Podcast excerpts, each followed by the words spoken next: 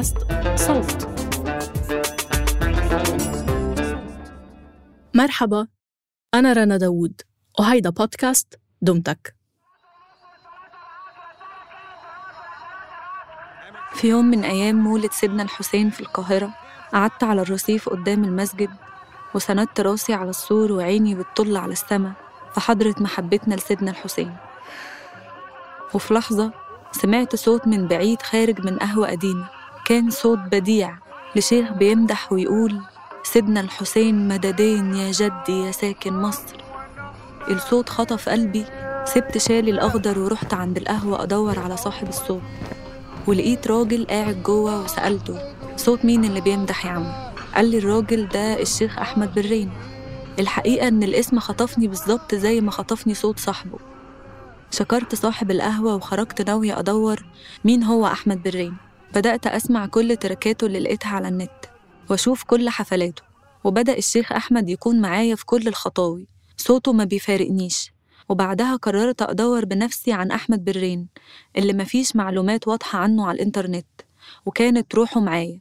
وحسيت كأني بدور على شيء بيدور عليا وبيقول لي لاقيني واعرفيني وعرفي الناس بيا أكتر.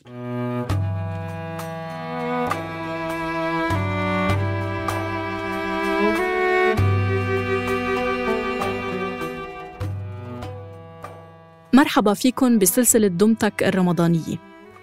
اليوم رح نسمع عن رحلة خاصة وعزيزة على قلب حبيبة زين اللي سمعتوا صوتها من شوي ورح تسمعوه خلال الحلقة. رح نحكي عن الشيخ أحمد برين اللي بيحتل مكانة مش عادية عند محبي المدائح والموالد. ومثل حبيبة بيتمنوا لو كان عندهم نصيب بمجاورة الشيخ.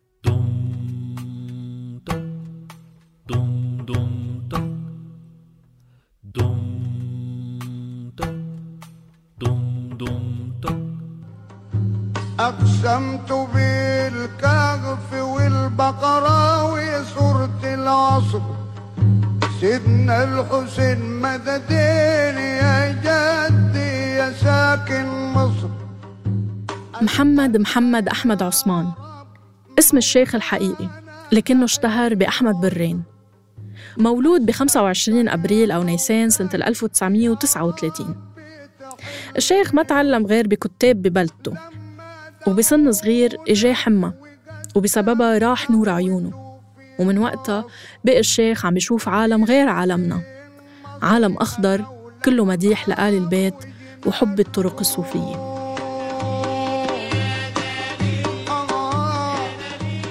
لما كبر شوي بدأ يحضر جلسات كبار الشيوخ.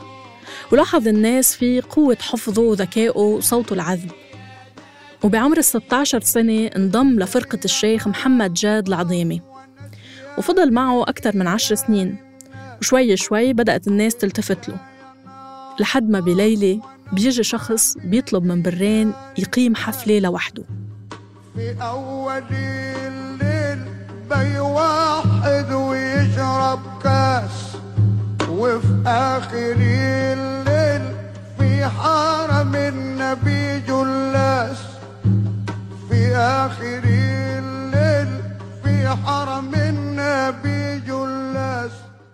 وقتها طبعا انبهر الشيخ وراح يستأذن من صاحب فرقته. بس العظيمة وقتها رفض. ومع هيك برين راح فعلا وأحيا الليلة وتفاعل معه الجمهور الشعبي بقرى البلدة تفاعل كبير. ومن وقتها انعرف اسم الشيخ وبدأت الناس تطلبه عشان يحيي الليالي ويقيم الموالد. الشيخ زار كل بلدات جنوب مصر تقريبا. يعني المناطق المجاورة لبلدة حبيبة مثلا مثل الكاجوج وسلوى وكومومبو ودراو. من المعروف أنه بلاد الجنوب بمصر ثرية بالفنون القولية وخصوصا فن المديح اللي اشتهروا فيه أهل الصعيد لمحبتهم لآل البيت وللذكر. ومنهم وصلوا بالمديح للعالمية مثل الشيخ أحمد التوني والشيخ التهامي والشيخ أحمد برين كمان.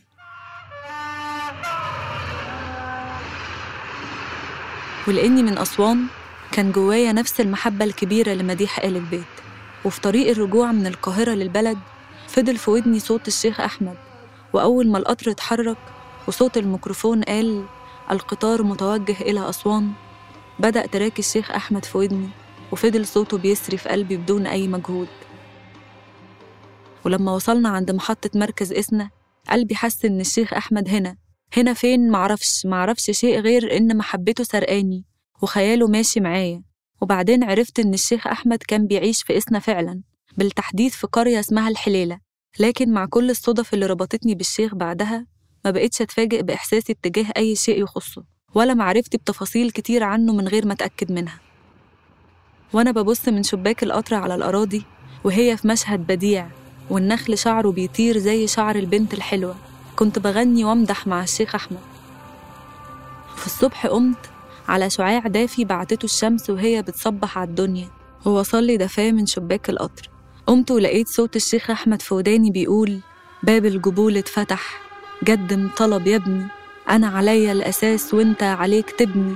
أنا نمت لحظة وجال محبوبي عاتبني بتحب وتنام يبقى في شرع مين يا ابني؟ باب القبول اتفتح. قدم طلبي يا ابني. إحنا عادينا الاسس وانت عليك تبني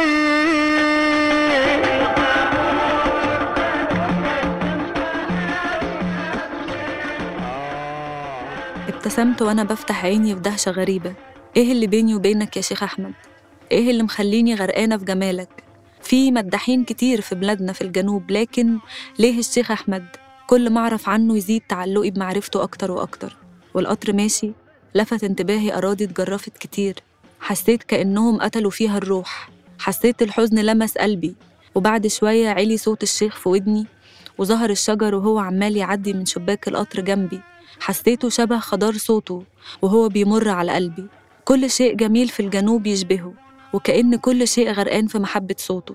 لما وصلت أسوان ومنها المركز دراو بدور على الدكاكين القديمة اللي ممكن ألاقي فيها شرايط كاسيت للشيخ. وصلت عند محل صغير حاطط فاترينة واحدة متوسطة ولقيت عم لابس جلابية بسيطة زي جلاليب أهل البلد وقاعد يقرأ جورنال. سألته عن شرايط للشيخ أحمد رد عليا وهو بيقول ياه وإنت تعرفي الشيخ أحمد من وين يا بنتي؟ قلت له إني بدور على أي شرايط ليه. استغربني العم لأن عادة اللي بيهتموا بمجالس الذكر وحفلات الشيخ بيكونوا كلهم رجال. فوصف لي العم محمود محل تاني في مركز كومومبو. وقال لي ممكن تلاقي هناك شرايط للشيخ وإن الشيخ شرايطه كانت بتنتجها شركة اسمها فودافون وده اللي أكده ليا علي برين ابن الشيخ أحمد بعد كده وقال لي إن الشيخ صدر له أكتر من 36 شريط موثقة من شركة فودافون بالإضافة للحفلات والليالي اللي ملهاش تسجيلات. المعتمدين آه المعتمدين في فودافون. الشركة دي حصل لها خلل واشتراها أبناء الخطيب. وجو تعاقدوا مع الشيخ برضه وأدوه يعني إيه حاجات كده رمزية. برضه طبعوا الشرايط دي تاني وسجلوا حاجات تاني جديدة للشيخ. غير 36 آه. امم يا نهار أبيض. آه ده ناهيك عن إيه التسجيلات الخارجية اللي هي الكلام اللي هو مش موجود أصلا في الشرايط يعني تراث الشيخ ما حدش يقدر يحصيه. امم لأنه كل كل ليلة بيبقى فيها جديد وفيها إبداع وفيها مواقف وقتية يعني. المهم ما كذبتش خبر ورحت مركز كومومبو بدور في السوق على محل شرايط الكاسيت ولقيت أخيرا مكتبة وفيها ركن صغير فيه شرايط. سألت العم اللي في المكتبة على شرايط للشيخ وأخيرا لقيت شريطين منهم واحد فيه تجمعات للشيخ سجلها حد من معجبيه وشريط تاني اسمه السفينة. وبعدها عرفت إنه موجود على ال SoundCloud على الإنترنت. لكن إحساسي إني بتبع خطوات رسمتها ليا محبة الشيخ كان مخليني مستمتعة وبنفذ أمر المحبة نفس المحبة اللي خلتني أمشي أدور في الأقصر عن شرايط تانية للشيخ ودلني وقتها العم صاحب الدكان هناك في الأقصر على إن للشيخ ابن شغال معلم لغة عربية ممكن أتواصل معاه ويدلني على حياة الشيخ أكتر ومن وقتها قررت البحث عن علي برين ابن الشيخ أحمد ورفيقه في ليالي كتير.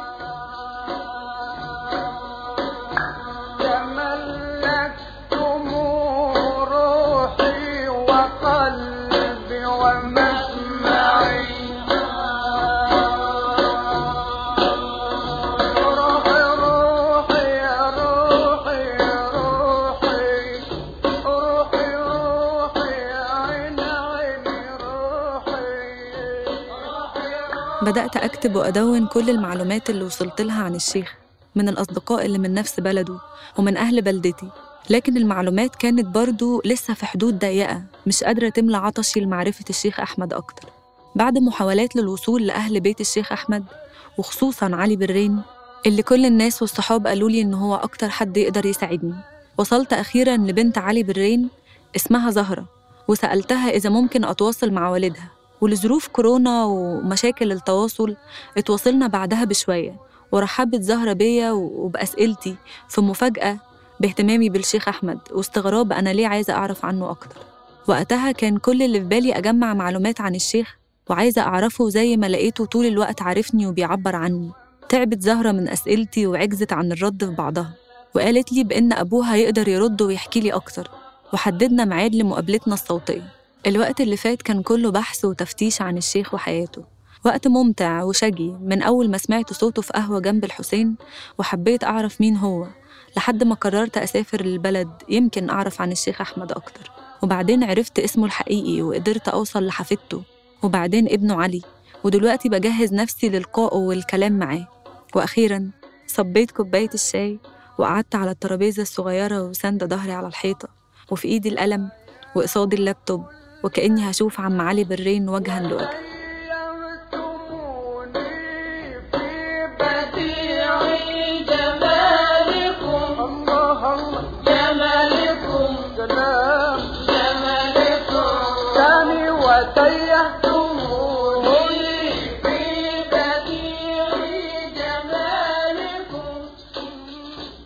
رح نوقف الحديث اليوم هون.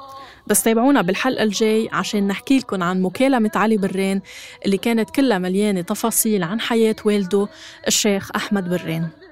هاي الحلقة بحث وكتابة وتقديم حبيبة الزين.